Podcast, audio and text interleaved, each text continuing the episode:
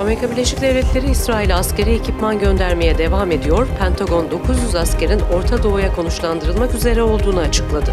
In addition to the capabilities that we've already announced, Amerika ve koalisyon güçleri 17-24 Ekim tarihleri arasında Irak ve Suriye'de 16 ayrı saldırıya uğradı. Saldırılara karşılık olarak Amerikan F-16'ları Suriye'de Ebu Kemal yakınındaki iki devrim muhafızı silah tesislerini vurdu. Çin Dışişleri Bakanı Washington'da ziyaret, Başkan Biden'la Xi arasında gelecek ay Kaliforniya'da yapılması beklenen toplantının önünü açabilir.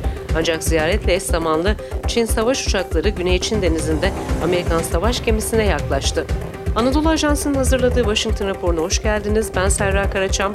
Bugün Amerika'nın Orta Doğu'da karşılaştığı saldırılar ardından İran'a ait iki silah deposunu vurmasını, İsrail-Filistin Savaşı'nda Amerika'nın stratejisini ve kamuoyunun nabzını konuşacağız. Ancak önce gündeme dair bazı diğer başlıklar. Cumhuriyetçilerin liderliğindeki meclis, McCarthy'nin görevden alınmasından 3 hafta sonra çarşamba günü Mike Johnson'ı yeni sözcü olarak seçti.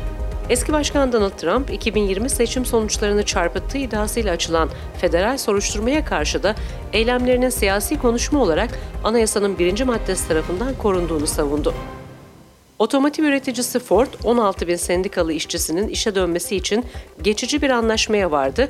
Anlaşmaya göre işçilere şu andan itibaren 2028'e kadar en az %25 zam yapılacak.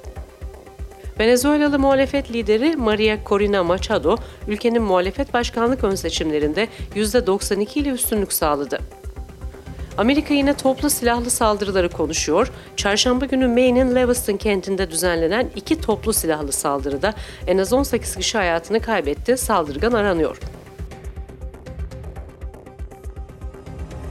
Anadolu Ajansı Amerika Haberleri Müdürü Can Hasasu bizlerle birlikte. Can hoş geldin. Hoş bulduk Serra. Can bu kayıttan hemen önce Pentagon'dan bir basın açıklaması geldi.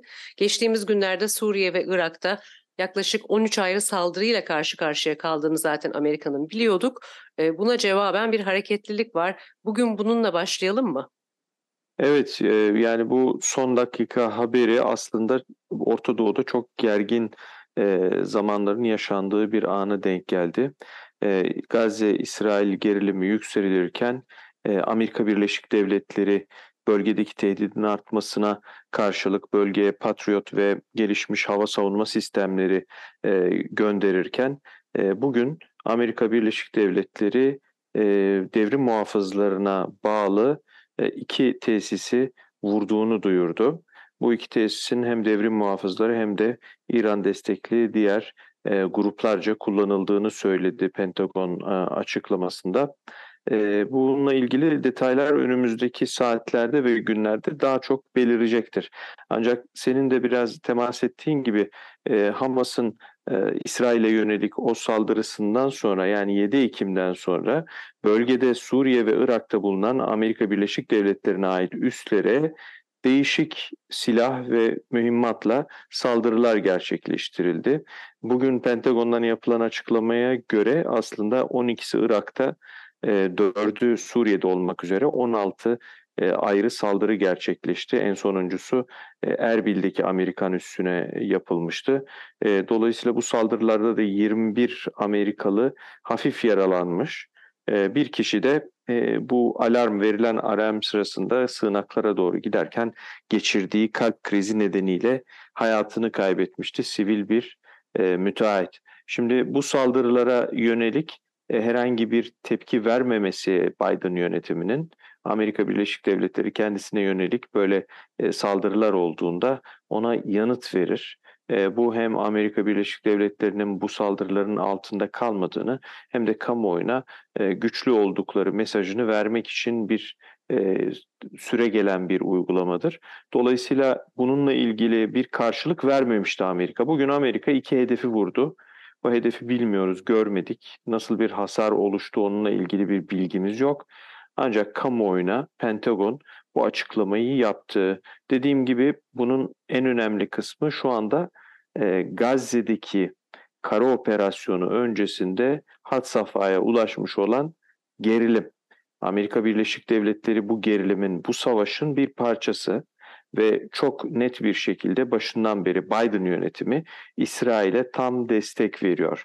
İşte bu desteğin sonrasında da işte bölgeye iletilen, gönderilen donanma ve uçak gemileri şimdi de e, oradaki Amerikan üslerini korumak için deniyor ama e, işte Patriot ve gelişmiş e, uzun menzilli hava savunma sistemleri geliyor. 900 kadar da personel e, bu sistemlerin kullanılması amacıyla e, Amerika Birleşik Devletleri'nin Orta Doğu bölgesinde bulunan CENTCOM e, Merkez Komutanlığı'na bağlı e, üsleri korumak için geliyorlar bunlar. Bu ne anlama geliyor? Bu gerilimin önümüzdeki günlerde daha da tırmanma ihtimalinin olduğunu, Amerika Birleşik Devletleri'nin savunma önlemlerini de buna göre yükselttiğini gösteriyor. Zira bu Amerikan üslerine 16 saldırı dedik. Bu 16 saldırı ya küçük e, kısa menzilli füzelerle yapıldı ya da dronlarla yapıldı.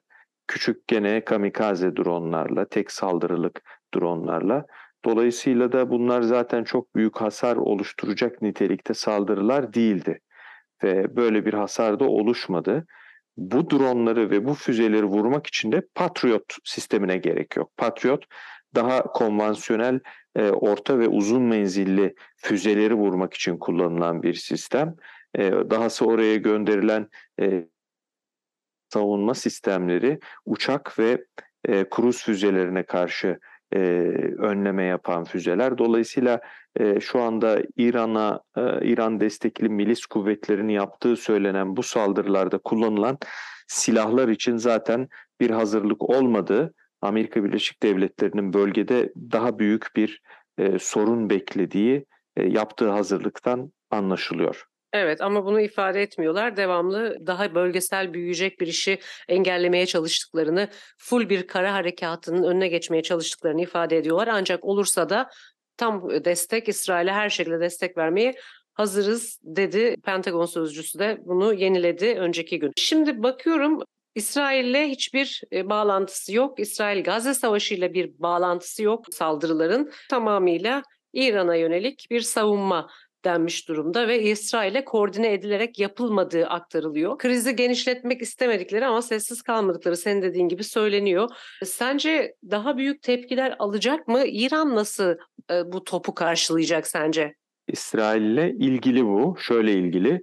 E, bu milis güçler Amerikan kuvvetlerine yönelik 7 Ekim'den sonraki saldırı sayılarını e, arttırmalarının arkasında zaten e, Gazze'deki operasyon e, yatıyor.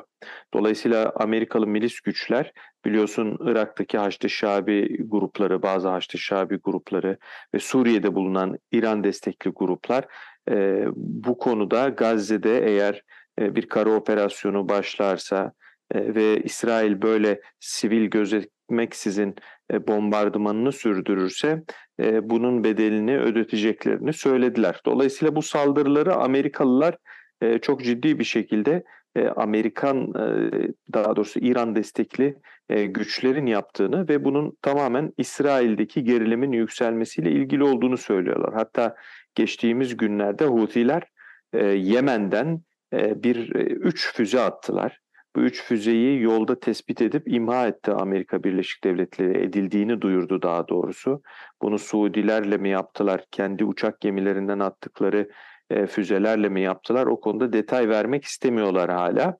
E, ancak e, yani açıklama çok ilginçti. Zira o tarihe kadar Houthilerin elinde 2000 kilometreki Yemen'den İsrail'e hedef aldığını söylüyorlardı. Daha doğrusu füzelerin İsrail yönünde e, gittiğini, o nedenle vurulduklarını söyledi Pentagon sözcüsü. Dolayısıyla e, Hutilerin elinde 2000 kilometre menzilli bir füze olduğunu kimse bilmiyordu. Dolayısıyla e, şu anda Amerikalılar sanıyorum e, Yemen'den olduğu gibi başka noktalardan da e, İran destekli bir takım grupların orta menzilli balistik füzelerle İsrail'i veyahut Amerikan kuvvetlerini hedef alabileceğini düşünüyor. Dolayısıyla bu hazırlık e, biraz da onunla ilgili. E, İsrail'le de dolaylı olarak bu şekilde bağlantılı aslında. Diğer taraftan Blinken işte bu hafta BM'deydi. Daha önceki hafta İsrail'de. Yönetim olarak Biden desteğini açıkladı. Sende şöyle bir izlenim var mı? Amerika Birleşik Devletleri gerçekten bu krizin büyümesini e, engellemek için bütün gücünü kullanıyor ama İsrail'e de destek belirtmek elbette ki istiyor. Diyor musun yoksa sen nasıl okuyorsun resmi? Yani Amerika Birleşik Devletleri başından beri çok net bir şekilde İsrail'e koşulsuz bir destek verdi. Bu koşulsuz destek o kadar koşulsuz ki şu anda geri adım atmakta e, veyahut bunu dengelemekte zorlanıyor Biden yönetimi. Ne demek istiyorum? Yani daha krizin adı konmadan bölgeye hemen donanmayı gönderdi Amerika Birleşik Devletleri. E, en büyük uçak gemisini gönderdi Doğu Akdeniz'e. Şimdi işte bu hava savunma sistemleri Patriotlar gidiyor bölgeye. İsrail'e zaten istediği her türlü mühimmatı sağlıyor.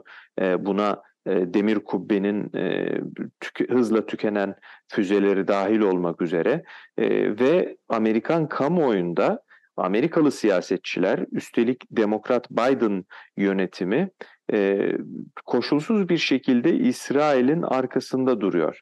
Yani sivil kayıplardan, Gazze'lilerden, Filistinlilerden e, yıllardır devam eden 75 yıllık bu sorundan hiç bahsetmeden e, şu anda sanki bir olayla karşı karşıyaymışız gibi e, miladı Hamas'ın 7 Ekim'deki e, saldırısını e, sayarak hareket ediyor Amerika Birleşik Devletleri.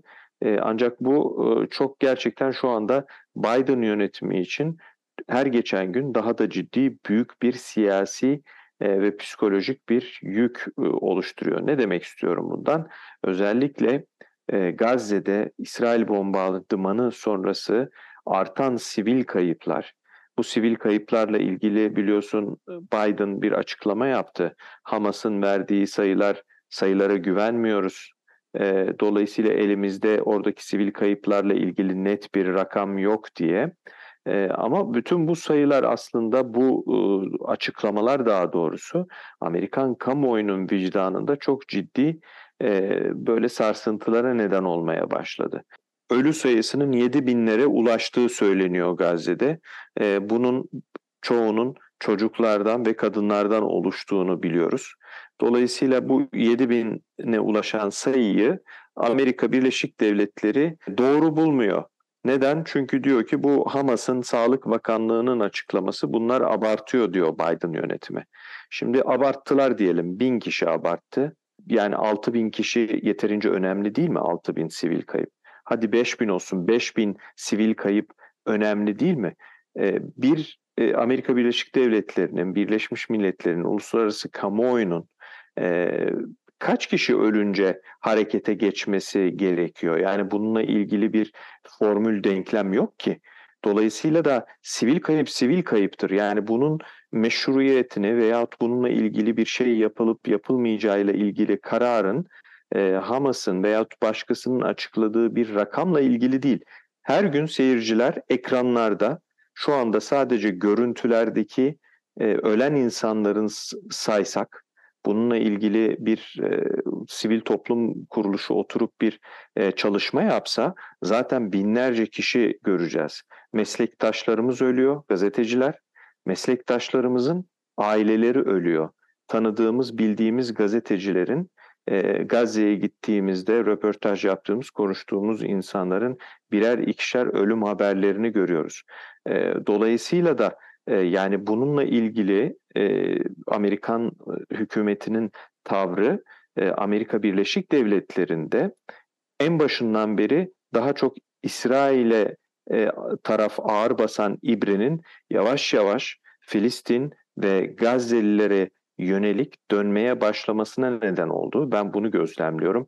Özellikle Amerika Birleşik Devletleri'nde barış yanlısı Yahudi grupların gösterileri yani bu hafta ikinci kez e, geçen hafta da bir işgal e, e eylemi yapmışlardı.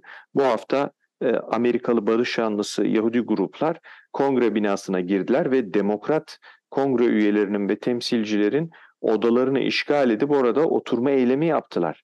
Amerika Birleşik Devletleri'ne mesajları ise şu, bizim vergilerimizle İsrail'in savaşını destekleyemezsiniz diyorlar.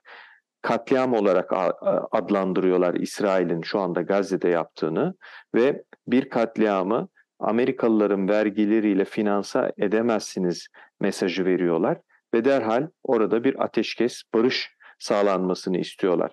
Bu çok önemli bir talep e, ve bu talep yavaş yavaş karşılık bulmaya e, başlıyor Amerikan kamuoyunda. Özellikle demokratlar yıllarca Orta Doğu'da iki devletli e, bir çözümü savunan Biden ve ona oy veren demokrat taban şimdi e, düşüncelerinin ve yıllarca savunduklarının tam tersi bir e, tavır içerisinde bir e, Biden hükümeti, bir e, Amerikan başkanı görüyorlar.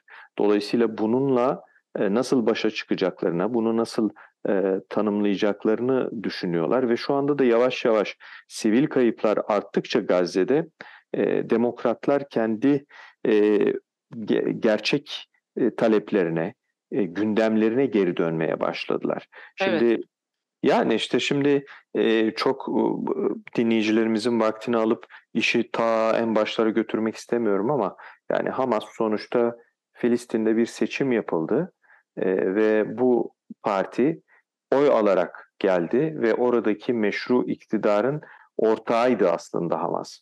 Dolayısıyla da hani ondan sonra yaşanan olaylar Hamas'ın e, ondan sonra İsrail'in işgalini reddetmesi ve bununla ilgili daha önce yapılan anlaşmalara karşı çıkmasıyla ilgili sürece tepki olarak e, halkın aslında seçip oraya gönderdiği bir partinin hükümeti o. Şu anda sadece Gazze'de sözleri geçiyor. Gazze'de Hamas yönetiminden bahsediyoruz. Dolayısıyla Sağlık Bakanlığı da, İçişleri Bakanlığı da, e, işte karayolları da ne varsa orada hizmet adına hepsi Hamas yönetimine ait. E, bu böyle. E, ama bizim özellikle tartıştığımız ve konuştuğumuz şey şimdi buradaki sayıların doğruluğu ve yanlışlığı üzerinden e, bir e, belki polemik yapılıyor ve bu polemiğin hiç kimseye bir faydası yok ve bir önemi de yok. Ekranlarda her gün ölen insanlar görülüyor. Dolayısıyla bunların yüz aşağı yüz yukarı. Şimdi Amerikan istihbaratı bu e, meşhur işte vurulan e, Hristiyan Hastanesi ile ilgili e, yaptığı araştırmada şimdi sayıyla ilgili ellerinde sayı yok. E, hastane ile ilgili araştırma yapıyor Amerikan istihbaratı. Diyor ki bizim yaptığımız araştırmaya göre hastane saldırısında ölenlerin sayısı 100 ile 300 arasındadır. Evet. Şimdi 100 ile 300 arasında e, büyük bir fark var. 100 mü 300 mü? Yani Amerikan istihbaratı bile rakam verirken bu kadar geniş bir e, aralık koyuyor. E, dolayısıyla da bu çok sıkıntılı bir şey. Bir yandan da diyorlar ki biz İsrailli yetkililere siviller konusunda, sivil kayıplar konusunda dikkatli olmaları e, anlamında baskı yapıyoruz diyorlar. Peki neye göre baskı yapıyorsunuz? Elinizde bir sayısal El veri... Cezire'ye yapılan baskı da bugün yansıdı kamuoyuna. Ona ne diyorsun? Şimdi o e, resmen tabii e, duyurulmuş e, bir şey yok. E, bununla ilgili e, işte bir takım şeyler yazılıyor, çiziliyor. El Cezire'nin yaptığı yayınlarda Hamas'ı destekleyen, e, Hamas'ı öne çıkartan e, Evet, Katar aracılığıyla dışlarının uyardığına dair. Yani Amerika Birleşik Devletleri şimdi böyle bir şey oldu mu olmadı mı bununla ilgili benim elimde veri yok ama ne var elimde? Amerika Birleşik Devletleri daha önce bunu yaptı. Afganistan'da Üsame Bin Laden'in veyahut El-Kaide'nin e, basın açıklamalarını veyahut olaylarla ilgili onların e, açıklamalarını yayınladığında El Cezire, Amerika Birleşik Devletleri e, gerek dışişleri düzeyinde gerekse Pentagon düzeyinde bundan rahatsızlığını defaatla dile getirmişti. Kaldı ki El Cezire'nin bir Amerika kanalı macerası var e, o kanal hayata geçemedi Amerika Birleşik Evet, Türkiye'de de benzer bir durum oldu biliyorsun. E, ben birlikte çalışmayı denedik evet, orada da. Dinamikleri farklı. Yani Amerika'daki e, tamamen bünye kabul etmedi bunu. E, El Cezire gibi bir Ama devletlerin kanalı. Katar aracılığıyla bu kanala bir takım tepkileri iletmesi her zaman olan bir şey. Sence olacak mı peki? Arabik farklı tabii yani Arapça kanal özellikle. Sen yayınlarda geriye geleceklerini düşünüyor musun? Öyle bir şey Serracığım yani şu anda öyle bir noktaya geldi ki dünya, İsrail Birleşmiş Milletler Genel Sekreterini istifaya çağırıyor, tehdit ediyor. Evet. Birleşmiş Milletler görevlilerinin e, İsrail'de görev yapmak için girmelerine izin verecek vizeleri sağlamıyor. Dolayısıyla da hani medya kurumları üzerinde ayrı, dünyada barışı ve istikrarı sağlamakla e, sağlamak için ortaya çıkmış olan Birleşmiş Milletler'e baskı ayrı. Dolayısıyla medyaya da baskı ayrı. Yani bütün bunlar oluyor, olmuyor değil, e, olması muhtemel ve olan şeyler. Diğer Evet. taraftan da Birleşmiş Milletler yardımların işte günde 100 kamyon girmesi lazım. Ancak İsrail kontroller gerekçesiyle gecikmeye yol açıyor diyor. Yine e, bir İsrail gazetesinden gördüğüm kadarıyla da İsrail isimsiz e, kaynaklara, yetkililere dayandırmış. 40'tan fazla e, kamyon kontrolü yapılması bir günde imkansız diyor. Yani yarıdan daha azını kontrol edebiliyorlar geçmesi gereken kamyonların aslında. Gerçekten e, sekreterin Genel sekreterin tavrı için ne dersin? Genel sekreter bu konuda tabii bunu e, zaten e, 78. Birleşmiş Milletler Genel Kurulu'nda Birleşmiş Milletler için bir reform yapılması gerektiği konusunda konuştu. Yani oradaki genel kurul konuşmasının konusuydu bu. E, daha önce de işte Cumhurbaşkanı Erdoğan'ın meşhur dünya beşten büyüktür e, söylemini destekler nitelikte bu özellikle Ukrayna Savaşı'nın çıkmasından sonra bununla ilgili Amerika Birleşik Devletleri de bunu dile getirdi. E, dolayısıyla da e, şu anda gelinen noktada e, bir Ukrayna Savaşı değil ama Birleşmiş Milletler e, bu yapının, bu mekanizmanın e, İsrail gibi bir konuda Filistin sorunu gibi bir konuda nasıl işlevsiz ve yetkisiz hale geldiğinin altını çiziyor. Ki bu yeni bir şey değil. Yani Ukrayna geçen programlarda konuşuyorduk. Ukrayna Savaşı'nda ABD'nin istediği kararları Rusya veto edince Aa, bu olmuyor, bu BM'yi biz bir e, reform yapmamız gerekiyor demeye başladı Amerika.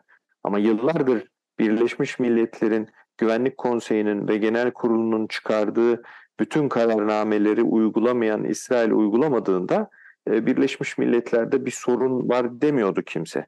E şimdi tabii sorun yok, sorun yok veyahut sorun var demeye demeye e, konu bir kar topu gibi bugüne geldi. E, şimdi işte iki tez var. İsrail'in tezi şu, Hamas 7 Ekim'de saldırdı, terör saldırısı yaptı ve sivilleri öldürdü. Bütün bu olanlar bunun sonucu. Onun karşısındaki tez ise şu, bu sorun bu dünün evvelsi günün meselesi değil, 75 yıldır devam eden haksızlıklar ve sorunlar yumağının geldiği son nokta deniyor. Dolayısıyla zaten bu iki tezin çakışması.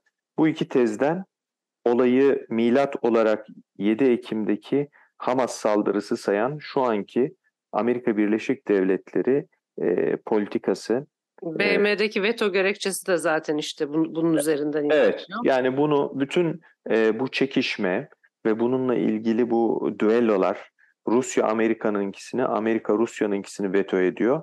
Dolayısıyla Birleşmiş Milletler e, bir kilitlenmiş durumda. E, hiçbir işe yarayamıyor. Oradaki insanlara su ve ekmek battaniye veremez hale geldi. Bırakın sorunu çözmeyi, sivilleri kurtarmayı, hayatta kalanların üstüne elbise Bu da e, şaşırdığımız bir şey değil aslında. Daha önce de Tabii, yani şimdi gördüğümüz bir şey. Ruanda'da, Bosna'da. Şimdi ölçeği ama büyümüş durumda Serracığım. Yani tam doğru söylüyorsun. Ben de onu diyecektim.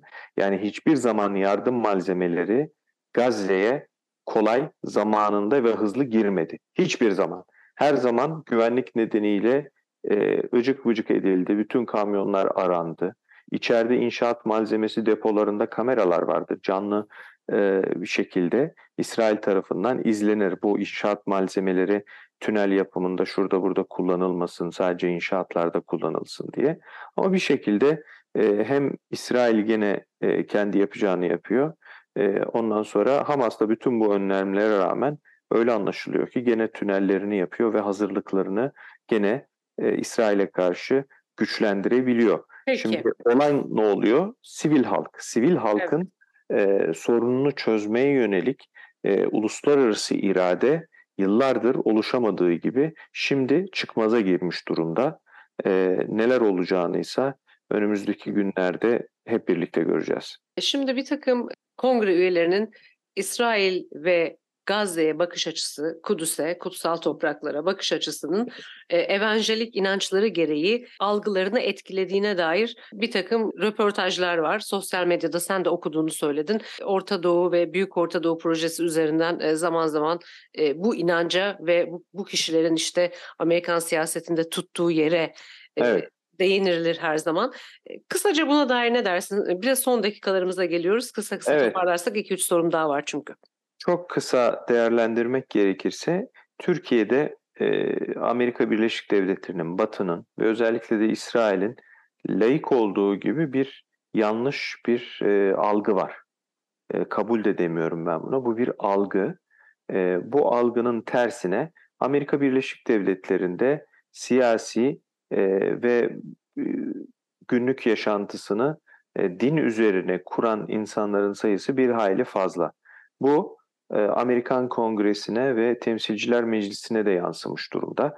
Dolayısıyla da e, bunun yüzdesi nedir? Bu konuda kesin bilimsel veri yok elimde ama bunu açık açık beyan eden bir sürü senatör ve e, Amerikan Temsilciler Meclisi üyesi bulunuyor. Bu anlamda İsrail'e tamamen dini sebeplerden dolayı destek olan ve buna destek vermenin bir dini ödev olduğunu söyleyen Amerikalı siyasetçilerin sayısı azamsız. Çünkü İsa'nın e, buradan yeniden geleceğini bu büyük savaştan sonra. Tabii Armageddon kıyamet savaşı olarak tanımlanan Armageddon'da e, Mesih olarak İsa'nın dünyaya yeniden ineceğine e, inanan bu gruplar e, dolayısıyla burada İsrail'e e, kutsal bir e, bir kutsallık atfediyorlar. Dolayısıyla da bunun bu noktadan hareket ederek de böyle bir destek verenler var. Ama Peki. bütün bu Biden yönetiminin buraya verdiği destek demokratlarınkisi bunun üzerine kurulu değil. Cumhuriyetçilerde böyle bir damar var. Öte yandan İsrail'de İsrail çok e, dini duyguların, dini motiflerin, dini kaidelerin çok etkili olduğu bir ülke. Yani düşünün ordu Şabat gününde operasyon yapmıyor. Şabat bittikten hemen sonraki saatlerde operasyonunu başlatıyor. Dolayısıyla da hani hem İsrail'i hem Amerika Birleşik Devletleri'ni e, Türkiye'den baktığımızda böyle değerlendirirsek olup biteni daha oturtabiliriz Evet. kafamızda. Bir diğer sorum Erdoğan'ın Hamas çıkışıyla ilgili buradaki yankıyı soracağım. Hani benim gördüğüm kadarıyla aslında çok büyük bir tepki ben görmedim ama Yunan lobisinin öncülüğünde yine Papas'ın bir mektup yazıldı. Sen nasıl gördün? Şimdi Amerika Birleşik Devletleri bu işte bir tarafta Ukrayna diyoruz, bir tarafta Gazze, öbür tarafta Çin sürekli Amerika'nın aklını, fikrini ve bütçesini yoran e, bir ikinci risk, e, hatta üçüncü risk. Ve Evet. Esveç'i de yolladığımız bir zamanda geldi bu Hamas çıkışı biraz tabii. Tabii. Dolayısıyla Amerika Birleşik Devletleri doğrudan bu konuda Türkiye yeni söylemiyor bunu. Yani bunu bu aşamada, bu hassas aşamada medyanın, dünyanın, siyasetin ve Amerika'nın üst perdeden e, koşulsuz İsrail desteği verdiği bir noktada e, Türk Cumhurbaşkanı'nın ağzından yeniden duyulması aslında. Geri dönersek, kayıtlara bakarsak Türkiye başından beri e, hani konuya bir Hamas özelinde değil Filistin genelinde bakıyor ve Hamas'ın buraya seçilerek geldiğini eğer oyunun adı demokrasi ise Filistinliler oy verdiler bu insanlar yönetime geldi. Ondan sonraki olaylar işte birbirini etkileyerek bizi günümüze kadar getirdi. Bunu çözmek için e, çok lokal bir şekilde her şeyi Hamas'ın boynuna yıkarsak bugün Batı Şeria'da e, oradaki Filistinliler mutlu değil ki. Bugün Batı Şeria'da Filistinliler hala hem yerleşimciler hem de e, İsrail güvenlik güçlerinin e, operasyonlarında veya şiddetinde uyguladığı şiddet eylemlerinde e, hayatlarını kaybediyorlar ve onlar da ayrı bir tutsaklık yaşıyorlar. Evet. Dolayısıyla da sorunu Gazze'ye, Hamas'a indirgeyerek e, Filistin meselesini ve İsrail'deki bu e, gerginliği çözemeyiz diyor Türkiye özetle. Bunu anlıyorum. Buradaki tepkiye dönersek vaktimiz çok azaldı. Buradaki tepki şu anda e, ona yoğunlaşmış durumda değil. Evet. Yani onunla ilgili e, Amerikalı yetkililerden e, onu doğrudan hedef alan e, Cumhurbaşkanı Erdoğan'ın açıklamasını hedef alan Evet. bir açıklama olmadı. Bununla ilgili bir e, yorum gelmedi. Peki bu süreçte İran'la Amerika'nın işte koalisyon güçleri olsun Suriye, Irak'ta daha da gerilimin başta sordum ama çok fazla konu vardı. Hızlıca Hı hı. geçtin. Gerilimin tırmanmasını bekliyor musun? Cumhuriyetçiler de İran karşıtı ve nükleer anlaşma karşıtı söylemi e, ve tonunu arttırmış durumda. Kısaca bununla kapatırsak iyi olur. Evet, Cumhuriyetçiler başından beri bu İran'la demokratların her masaya oturuşunu e, koz olarak kullanıp onları yıpratmak amacıyla bu konuyu gündeme getiriyorlar. Şu anda e, en çok sonuç alabilecekleri dönemdeyiz. E, dolayısıyla bunu yapmaya devam edecekler. Önemli olan şu, gerilim bölgede yükseliyor. Amerika Birleşik Devletleri askeri konumlanmasını, oradaki askeri güçlerinin donanımını e, bu gerilimin en kötü senaryoda nereye ulaşacağına göre planlıyor olmalı ki bölgeye Patriot e, füze sistemleri, e, gelişmiş uzun menzilli hava savunma sistemleri yerleştiriyor. Bunlar şu anki bölgedeki Gazze'nin uçağı yok. E, ondan sonra Amerikalıları vuran o milis güçlerin işte devrim muhafızlarının Suriye'deki e, kollarının e, bu etkiyi yaratabilecek bu silahlarla onlara karşı tedbir alacak bir gücü bulunmuyor.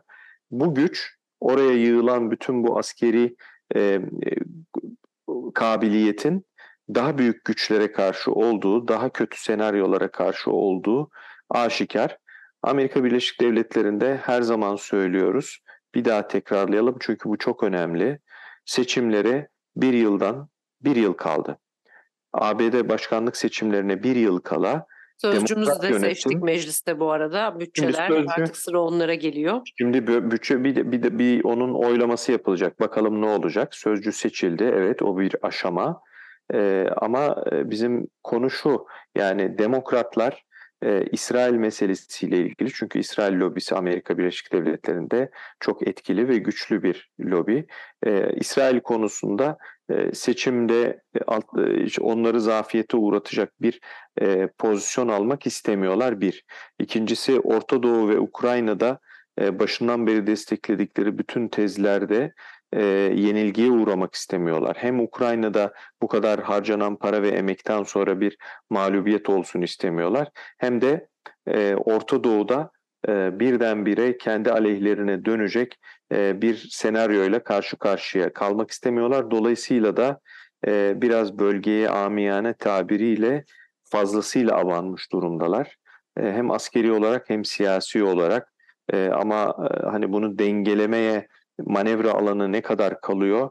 Her geçen gün e, bu alan biraz daha daralıyor Biden yönetimi için. E, dolayısıyla önümüzdeki bir hafta e, bu manada çok kritik olacak. Söylediğin gibi protestolardan bahsettik. Ee, Müslümanlar ve aslında Yahudilere karşı nefret de buradaki bombalamalar sürdüğü sürece artmaya devam ediyor. Amerika'da e, gerilimler de sokakta yaşanıyor. Göreceğiz. Söylediğin gibi Amerika'ya yönelik tepkiler, Amerika'nın karşı cevabı Orta Doğu'da, Suriye'de, Irak'ta hangi yoğunlukta sürecek onu da göreceğiz. Çok teşekkür ediyorum Can Asılsu. Ben teşekkür ederim. İyi yayınlar.